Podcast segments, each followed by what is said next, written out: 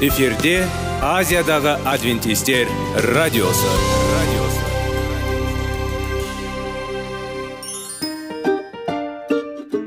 сәлем достар. Денсаулық өмір бұлағы және біздің бірінші байлығымыз демекші денсаулық сағаты рубрикасына қош келдіңіздер.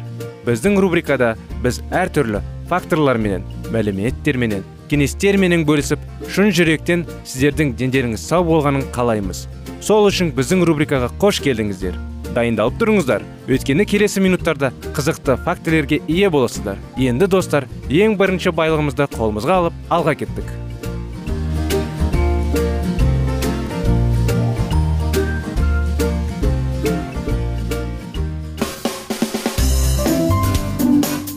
Денсаулық туралы хабар. Денсаулықтың ашылуы. Күн сайын сөз үшін күшті кеңестер соңғы жаңалықтар қызықты факторлар. Біздің рубрикада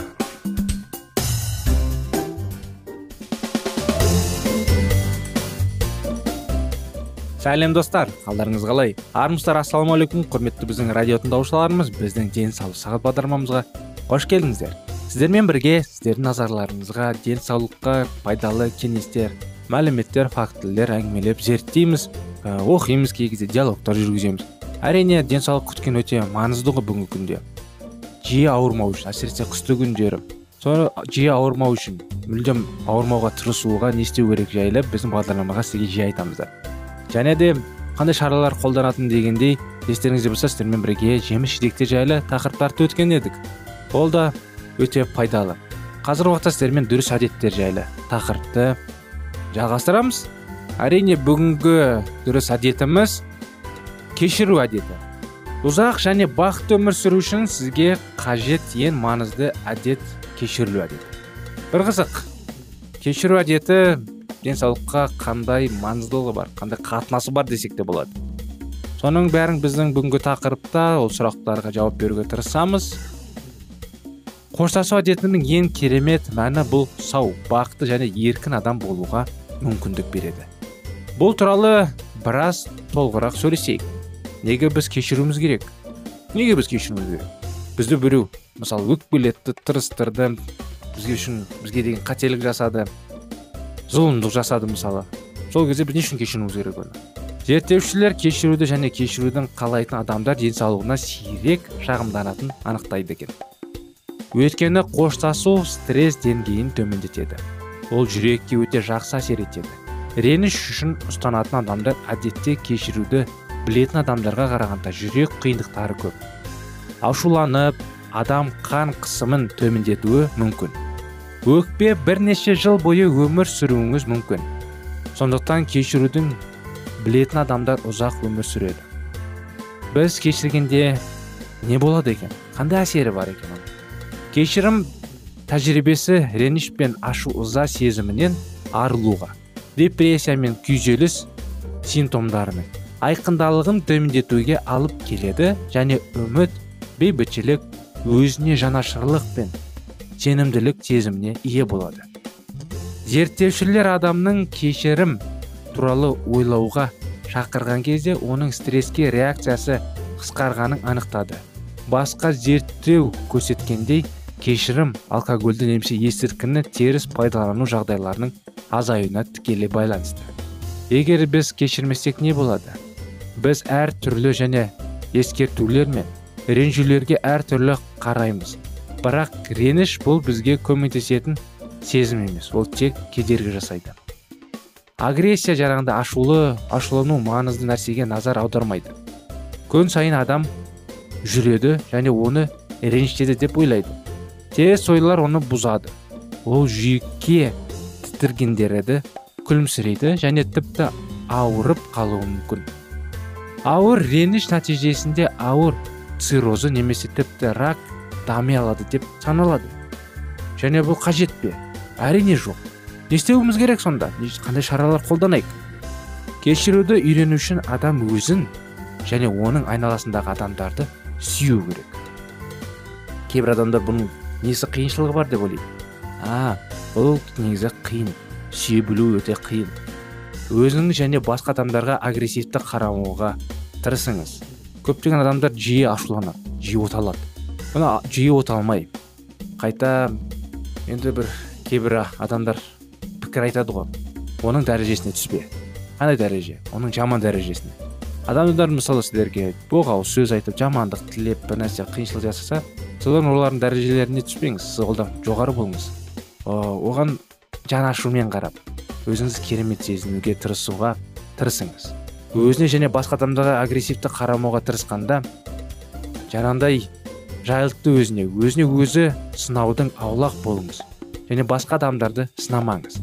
Біздің барлығымыз жетілмеген және әрқайсымыздың өз қателіктерімізге құқығы бар екенін түсініңіз.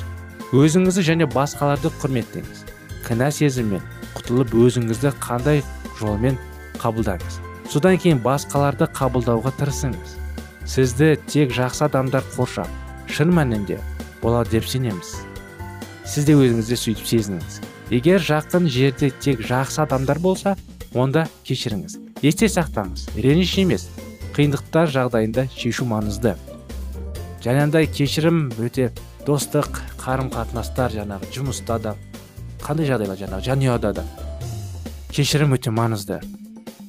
Бір біріңізге әрине өкпелі болсаңыз әрдайым сол жерде жиі ойлайсыздар түнеліп жүресіздер мазасыз боласыздар әсіресе ашулы болып жаңағы көлік жаңағы руліне отырмаң көлікке отырмаңыз ашулы болып өте қауіпті және де сізді біреу өкпелетіп қойса әйелі күйеуін тырыстырып қойса жаңағы дұрыс емес бір нәрсе айтып бір қылық істеп қойса болмаса күйеу әйеліне қарсы бір нәрсе істеп қойса бір біріңізді әңгімеге шақырып әңгімелесіп барлық жағдайды дұрыс түсіндіріп бір біріңізді түсініп кешіруге тырысыңыздар. Әрине кешірмесеңіздер өте ақыр аяғында қиындыққа әкеліп тудыруы мүмкін.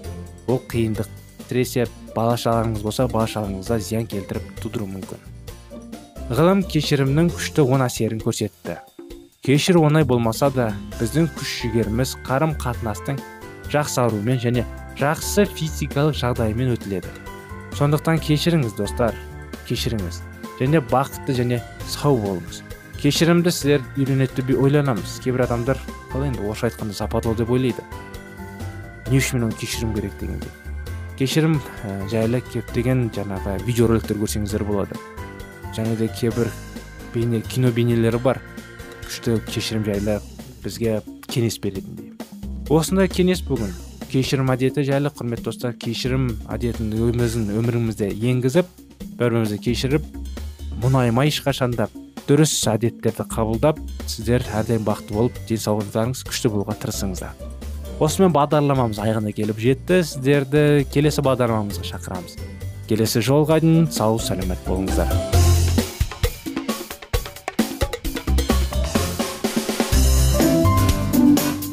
Денсаулық туралы хабар. Денсаулықтың ашылуы. Күн сайын сөз үшін. Күшті кеңестер соңғы жаңалықтар қызықты факторлар біздің рубрикада.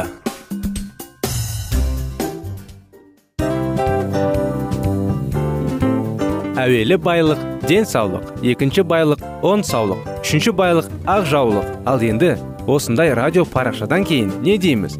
Барлықтарыңызға денсаулықтарыңыз зор болсын деп тілейміз. Денсаулықтың өзгеруі кішкентай нәрселерден басталады. Осымен біз берген кеңестер мен мәліметтер шын жүректен сіздер үшін қандай да бір болсын жәрдем берді деп үміттенеміз. Тыңдаушыларымызбен келесі радио парақшасына дейін қоштассамыз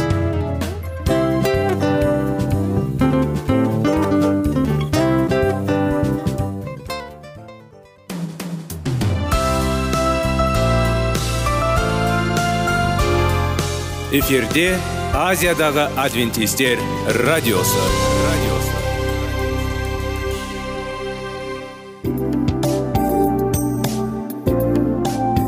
Сәлем достар. Барлықтарыңызға шын жүректен сөйлесек рубрикасына қош келдіңіздер деп айтпақшымыз. Шын жүректен сөйлесек бағдарламасы әртүрлі қызықты тақырыптарға арналған. Шындығында шын жүректен сөйлесек деген сөздің мағынасы екі достың екі адамның ортасындағы шын жүрекпен сөйлесуі бір біріне сенуі ашықтық пен шындықты білдіреді. Сол үшін біздің бағдарламалар әртүрлі қызықты тақырыптарға арналған. Дайындалыңыз жаңа қызықты мәліметтерге ие болуға. Ондай болса кеттік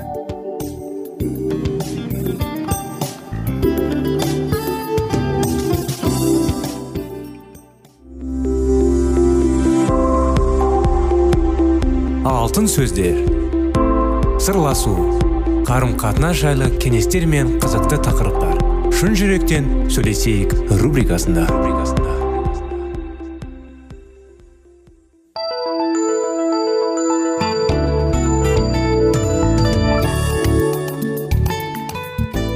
Шын жүрекпен сөйлесейік. Бағдарламасы қош келдіңіздер құрметті достар. Ассалаумағалейкум сіздердің назарларыңызға құрметті радио тыңдаушылар. Мінекей шектеулер тақырыптарын жалғастырудамыз. Достықтағы шектеулерге қатысты қиындықтар. Достарды жалғастырып тұратын жалғыз нәрсе бұл олардың бір бірлерінің жақсы көрушіліктері ғана. Неке сақинасы жоқ бірге атқаратын жұмыс жоқ. Тек достық қана бар. Ал ол кейде кез келген уақытта үзіліп кетуі мүмкін. Нәзік нәрсе секілді болып көрінеді. Достарымызбен ара қатынасында шектеулер орнатқысы келетін адамдар көбіне төмендегі сұрақтарды көтереді.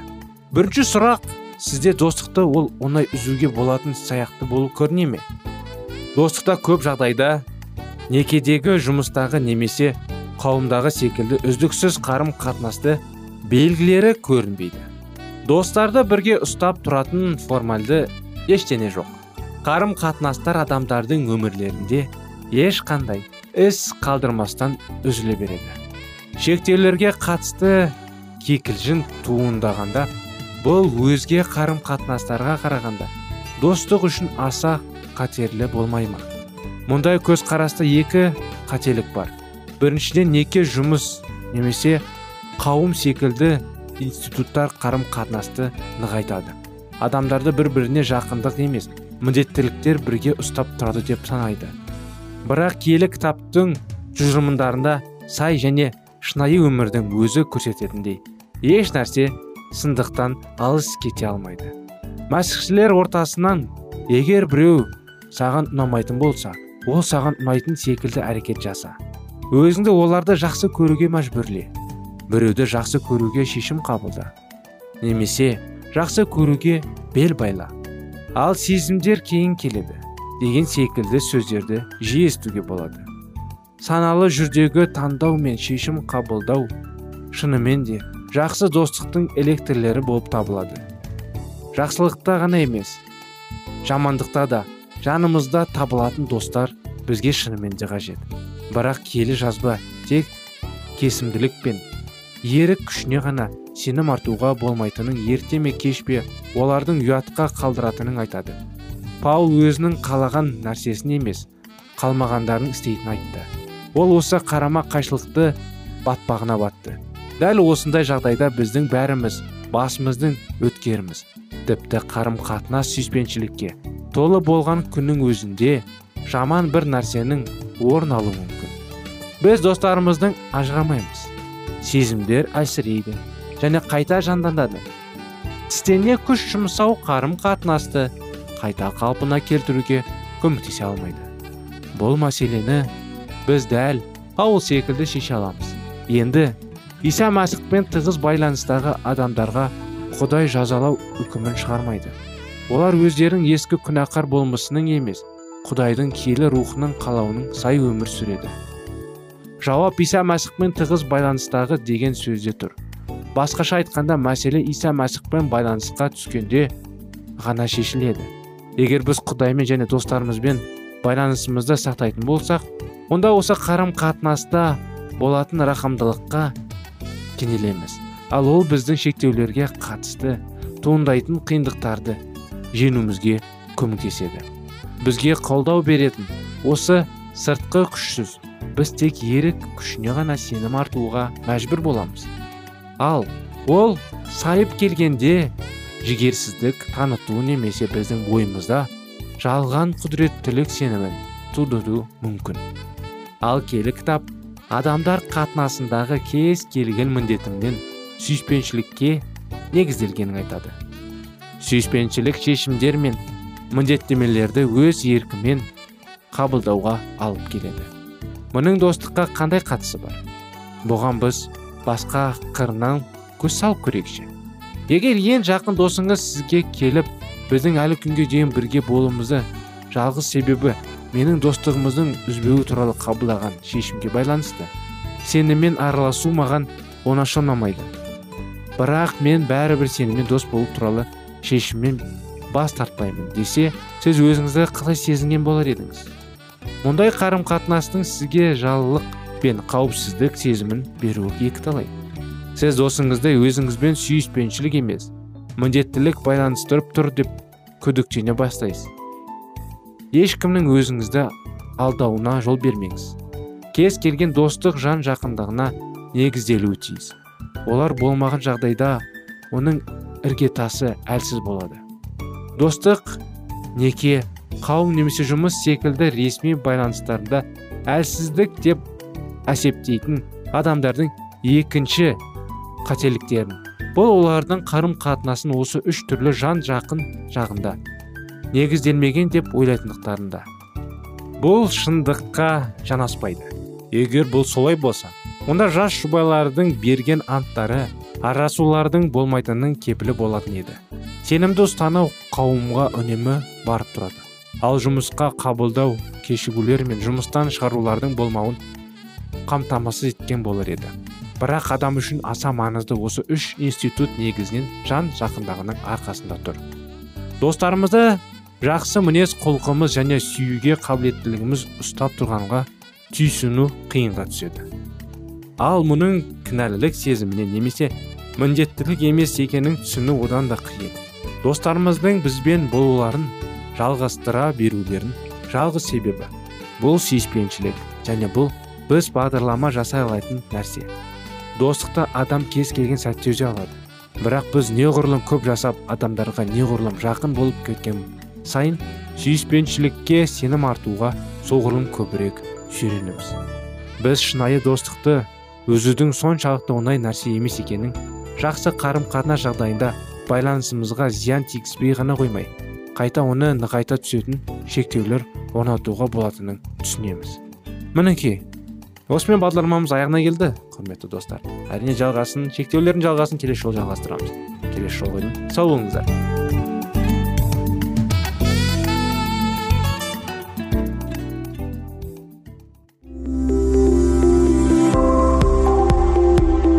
Алтын сөздер. Сырласу. Қарым қатынас жайлы кеңестер мен қызықты тақырыптар.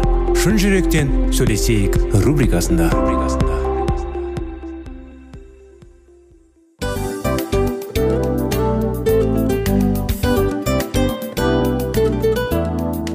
Құрметті достар барлық ең соңғы кеңестер аяқталған соң біздің программамыз соңына келіп қалды. Осы біздің мәліметтер осы рубрикада айтылған әрбір сөздер сіздерге өзінің қандай да бір пайдасын алып келді деп шын жүректен сенеміз. Және бұдан да көптеген рубрикаларымыз бар. Басқа рубрикаларымызда біздің зерттеулерімізде сіздер үшін тағы да қызықты мәліметтер дайын. Біздің шын жүректен сөйлесейік парақшамызда көптеген әдістер ең соңғы кеңестер адамның нравственность жақтан моральдық жақтан тазалап байыта тұрған соңғы кеңестердің барлығын жанарады. Сондықтан алдыңғы күндерде бізбен бірге болыңыздар. Өйткені барлық қызықтар алдыда. Бізбенен бірге болғандарыңызға үлкен рахмет. Келесі кездескенімізше сау сәлемет болыңыздар.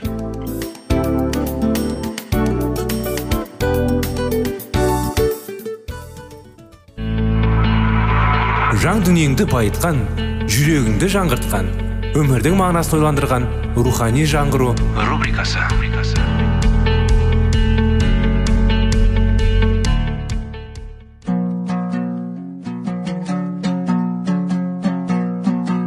Ассалаумағалейкум біздің тыңдаушыларымыз. Келі кітаптың шындығын ашып берген қысқа бағдарламасына қош келдіңіздер. Барлығынан жоғары жаратушы біздің қарыңғылықта жалғыз қалдырып қойған емес. Өйткені ол келешекте не болу керек екенін киелі кітаптың парақтарында ашып береді. Немесе келіңіздер бізге қосылыңыздар. Жаратушы бізге нен ашып бергенін зерттейміз. Сәлеметсіздер ме? Ассалаумағалейкум дейміз құрметті тыңдаушыларымыз құрметті достарымыз. Әрине біздің бағдарламаға жаңадан қосылып біздің бағдарламады бірінші рет жатқан тыңдаушыларымыз болса сіздерге де сәлем жолдаймыз. Мінекей рухани жаңғыру бағдарламасына қош келіпсіздер. Рухани жаңғыру бағдарламасында түрлі әртүрлі жаңағы бағдарламада тақырыптар өтеміз. Қандай тақырыптар? Рухани жаңғыратын рухани кеңестер алатын құдаймен қалай тығыз қатынаста сүйіну жайлы. Шайтан жайлы. Шайтан неге адамдарды азғыртып одан қалай құтылып қалай жақ, құдайға жақынырек болуға? Өйткені қиындықтың бәрі әрине шайтаннан ғой. Сондықтан мінекей осындай тақырыптарды өтіп және де қазір біздің талдап оқып жатқан кітабымыз жаратушыға апарар жол жайлы.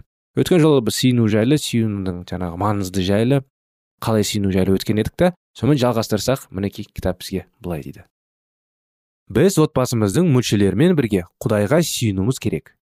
Бұл ретте онша түрде сүйінуді да ұмытпаған жөн осылайша сыйынғанда адамның ішкі жан дүниесінің тылсым сырлары ашылады. Тек отбасында немесе қауымдаспен бірге сүйіну жеткіліксіз. Сондықтан бәрінде көруші күрделікті күшті құдайға жан дүниеміздің жүрегімізді ашып билейік. Оңашада сыйынған адамның дұға тілектері құдайдың құлағына шалынады. Әрбір адамның құпия тілектері тек құдайдың өзіне басқа ешкім естеріне керек. Оңашада құдаймен телесімге келгенде адам бөтен көзден таса болып оның жаратушы алдында сырын айтып жан дүниесін толғыныстырып бөлінісінде ешкім кедергі болмайды. Құпияны көре білетін ол адамның жүрек пікіріне шыққан асыл ойларын дәл сезіп оның жан сезімін түсінеді. Адамдар құдайға сиынғанда өз бойына шайтанмен күресуде өзіне баға жетпес тірек бола алатынын тәңірлік нұрлы жаратын мойнына молына жинақтады. Күнделікті еңбек етумен тіршілік қағымен. Жүрегінің өзіне де оңашалық отырып құдайға сиынуға болады. Жүрек сырларында оған жиі жиі аша біліңдер. Енох әрдайым құдаймен бірге жүрген. Оңашалана отырып құпия түрде сүйіну берекелі бата тағында көтереді. Құдайға шынайы сенген адамның жүрегіне шынайы әсер ете алмайды. Құдаймен телесімге келу барлық жүрде үйлесімді. Біздің жүректеріміз иса үшін әрқашанда ашық болып. Ол біздің жоғары құрметпен тосатын аспандық қоғамымыз болғаны абзал. Біздің айналымызды бұзылған күнәлар дүние қорқынышына қарамастан біз қақпас дүниенің күліміз болуын ескуіміз міндетті емес. Өйткені біздің таза аспан әлемінде өмір сүруге мүмкіндігіміз бар. Бар жан жүрімізбен құдайға сиініп оған дұға тілектерімізді бағыштаған кезде біз таза емес жаман ой пікірлерді ойламай өзімізді сақтандыра аламыз. Құдайдың әсер етуімен берекелі баталарды үшін жүректерін айқара ашқан адамдар киелі ақылада өмір сүріп аспан әлемнің одайы байланысты болады. Біз иса туралы анағұрлым көп білім мәңгі құдайлықтардың ақиқи болмасын ойымызбен саралып көз алдымызға елестесе білуіміз керек. Келіктің құдіреті құдайдың балаларының жүректеріне рухани сезім нұрына бөленген абзал. Осындай жүректе жету үшін біз аспанға байланысты ақиқи шындықты жете етере түсуіміз керек. Өзімізге құдайдың ұсынығындай таза аспан әлемге өрлеу біздің жүректерімізді қалу болғай. Солай болғанда біз оған жақын болғандығымызда сондай. Оған ойша бет бұрған кезде гүлдің күнге бет бұрғанның табиғи үстінсі пайда болмақ. Құдайға оңашалай сиыну барлық жерде кез келген уақытта атқаруға болады. Оның алдында шын көңілмен жүрек сырларымызды ашып сүйінуімізді еш нәрседе кедергі келтіре алмайды. Ерсілі қарсылы сапырылысқан жүргелішті толы көшелерде немесе өзіміздің әдеттегі үйіршілікті істерімізбен шұғылданып отырған кезде де біз құдайға жүзімізді бұрып мойын ұсынып неме пайғамбардың үлгісін көмек сұрып сүйінуіміз керек. Неме пайғамбар кезінде артарксес патшаға өзінің өтінішін білдіргенде осылай сыйынған көрінетін. Құдайдың алдында өздеріне көргенің бәрін қуаныштарың мен қайғы қасиеттерінде уайымдаңдар мен күдіректеріңді ашыңдар. Сендер бұл істерімен оны шаршаспайсыңдар және қиналпайсыңдар сендердің бастарындағы шаштарыңды бір талдап санай алатын жаратушы иеміз. Сендердің мұқтаждарыңа не құрмақ құрмайды. Иеміздің жанашыларға мен қайырымдылыққа қандай зор. Өздеріңді абыржытып мазаларыңды алып жүрген ойларың болса оған айтыңдар. Бүкіл әлемді ұстап басқалары тұрған құдіретті күшті жаратушымыз сендердің жан дүниелеріңді тылсым сырларың түсініп қуаныштарыңда қуанып сүйіспеншілеріне қайғырады күйініштеріне қайғырады дейді. Оның балаларыңды бастарына түскен қандай да бір қайғы олардың бойлары билеген үрей кез келген қуаныш сезімдер шынайы да терең сезіммен айтылған дұға тілектері. Жаратушының назарына тыс қалмайды. Ол осылардың бәріне көңіл бөліп жауап қатады. Ол жүректерін қайғы қасірет басқандары емдеп оларды қайғыларының аралтады.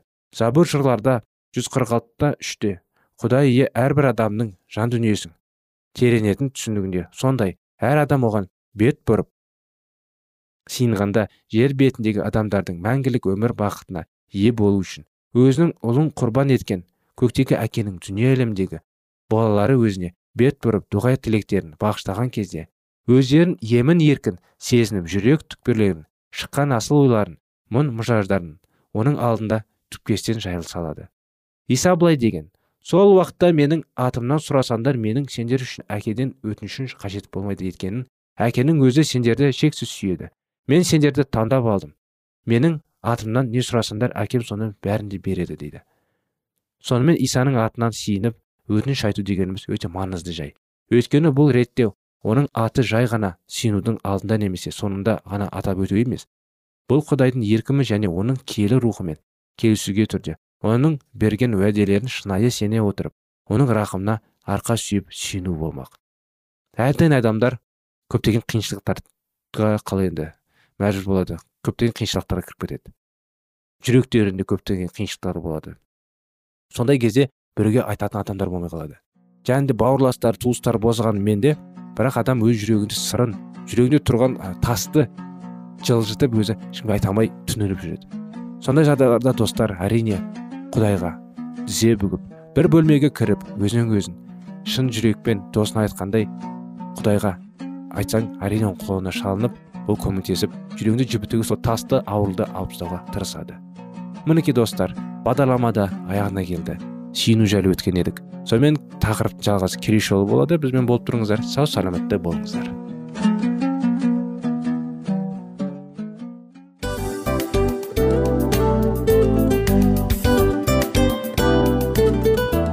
Мынау осы уақыт тез өтіп кетеді екен. Біздің бүгінгі рубрикалардың аяғына да келіп жеттік. Ақпаратымызды парақшамызды қазір ғана бастаған сияқты едік. Соңында да келіп қалдық. Уақыт деген тегі білінбей өтіп кетеді екен. Бүгінгі 24 сағаттың алтындай жарты сағатын бізге бөліп арнаған үшін рахмет. Егерде өткен сфераларда пайдалы кеңес алған болсаңыз біз өзіміздің мақсатқа жеткеніміз. Кеңестерді қолданам десеңіз өзгерістерді кішкентай қадамдардан бастап іске асыра беріңіздер де жасағандарыңыз үлкен үлкен жетістіктерге жете берсін. Шын жүректен әрбір берілген кеңестер сөздер сіздерге пайдасын әкеледі деп сенеміз. Сіздермен бірге кездесулерімізді сөзсіз түрде асыға күтеміз. Сәтті күн тілеп сіздер менің ұзаққа қоштаспай келесі кездескенімізше тек қана сау саламатты болыңыздар дейміз.